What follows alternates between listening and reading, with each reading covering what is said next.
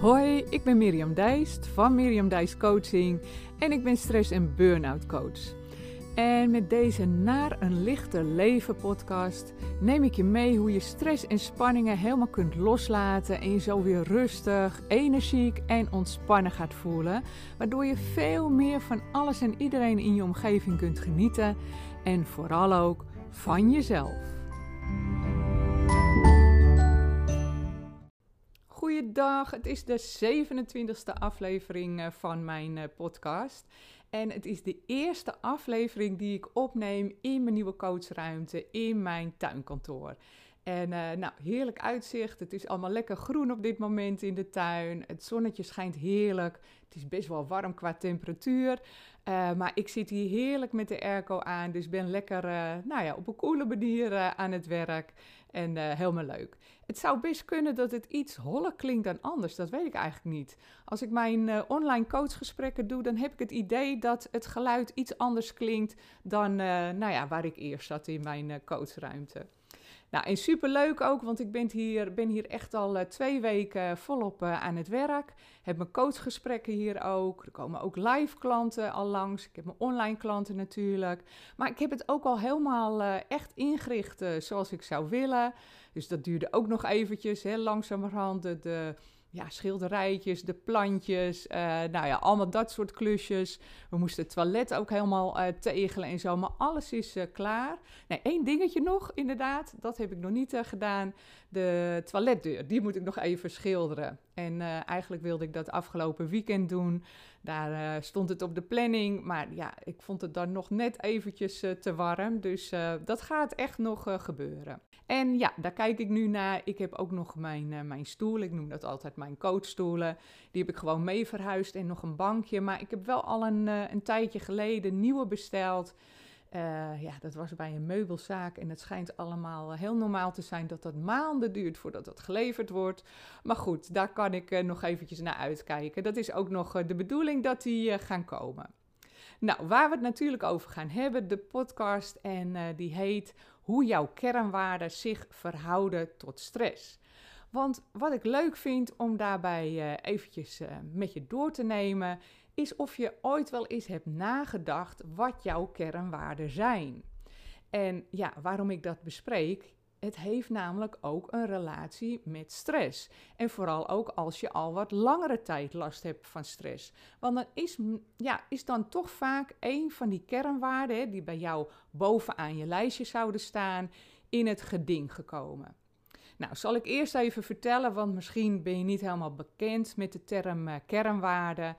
Um, je zou kunnen zeggen, kernwaarde is een soort uh, ja, diepe overtuiging. En je zou het ook als jouw persoonlijke drijfveer kunnen zien. En het heeft echt wel wat weg van kwaliteiten, want ja, het kunnen ook uh, eigenschappen zijn. Uh, alleen het verschil daartussen, dus de, de kernwaarden die je noemt, laat ik het zo zeggen, dat kunnen ook eigenschappen zijn, dus kwaliteiten. Alleen op de manier dat het een kwaliteit is, dan zegt het meer iets over hoe je de dingen doet. En uh, zo'n kernwaarde verklaart meer waarom je ze doet. Dus ik zei het ook al, het woordje drijfveer, dat zou hier eigenlijk ook best wel goed bij kunnen passen. Nou, en ik moest daar toevallig vorige week uh, aan denken. Dat zal ik zo al eventjes vertellen. Dat had met een, uh, een gesprek met een coachklant te maken. En toen dacht ik uh, ook van, ja, ooit heb ik een keer een oefening gedaan om te ontdekken wat mijn kernwaarden waren. En ja, het is al een heel tijd terug. Ik denk waarschijnlijk dat het tijdens de coachopleiding een keer geweest is. Ik weet dat niet meer zo precies.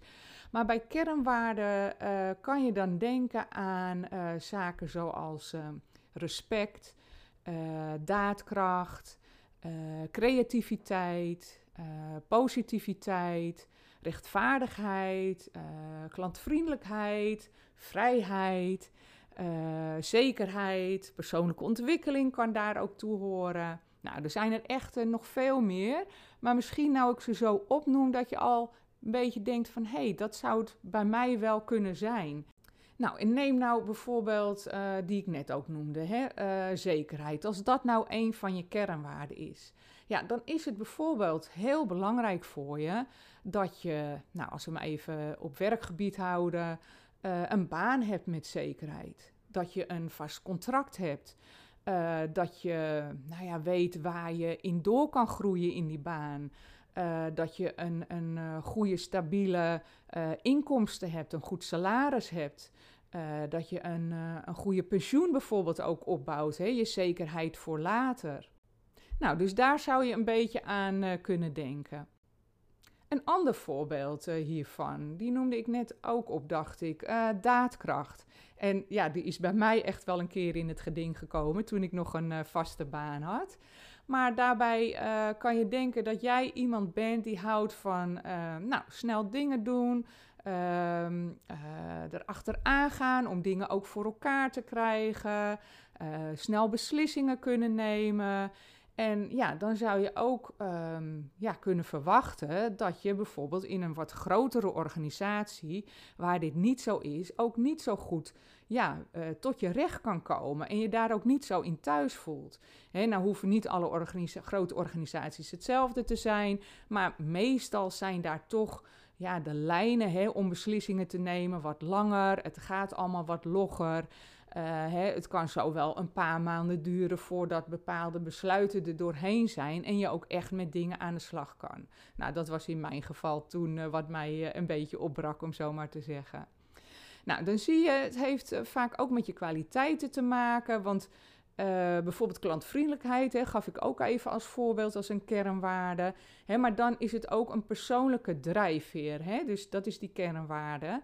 En dan kan je denken dat je bijvoorbeeld uh, nou, echt super inspant om dat op jouw werk ook op een ja, voor jou goede manier uit te voeren. En um, ja, dan is het natuurlijk ook een kwaliteit, want dan vind je dat leuk en je stelt het tentoon. Dus uh, dan om toch weer eventjes dat verschil uh, aan te tonen met die kwaliteit en kernwaarden. De kernwaarden geef je dan ook de voldoening die je zoekt dus die klantvriendelijkheid, nou ja, dat kan je natuurlijk hebben in de horeca bijvoorbeeld of uh, in een winkel. Maar het kan natuurlijk ook op een heel ander vlak zijn. Als jij projectmanager bent en je wil gewoon dat je eh, je project op een goede manier uh, draait. En daar dus ook op een bepaalde manier met jouw mensen omgaat. Dat is ook een vorm van klantvriendelijkheid. Nou, ik hoop dat ik het zo een beetje goed heb uitgelegd dat je het verschil ook kan begrijpen. Nou, met die kernwaarden, om daar dus um, achter te komen, die oefening waar ik het net over had, ja, dan uh, kreeg ik heel veel kernwaarden, echt zo'n lijstje voorgeschoteld. Dan moest ik daar een, uh, ja, een top 10 van maken en van die top 10 uiteindelijk weer een top 5. Nou, bij mij uh, stond, weet ik nog, met stip op één vrijheid, dus de kernwaarde vrijheid. En uh, ja, daarbij kan je denken dat dat vrijheid is in je doen en laten, uh, in het uh, indelen van je werk bijvoorbeeld, in flexibele werktijden, uh, in dat je geen, uh, geen manager, geen leidinggevende hebt die je echt precies vertelt wat je moet doen en hoe je dat uh, moet doen. Nee, want je wil daar gewoon dan echt je eigen interpretatie en je eigen inbreng aan kunnen geven. En dat geeft dan weer dat stukje voldoening.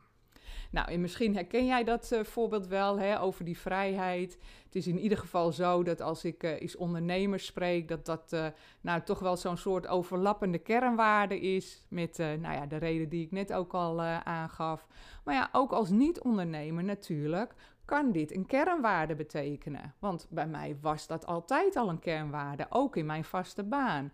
Maar dan moet dat toch wel op een bepaalde manier tot uitdrukking kunnen komen. En dan geeft zo'n baan je ook de voldoening waar je naar verlangt.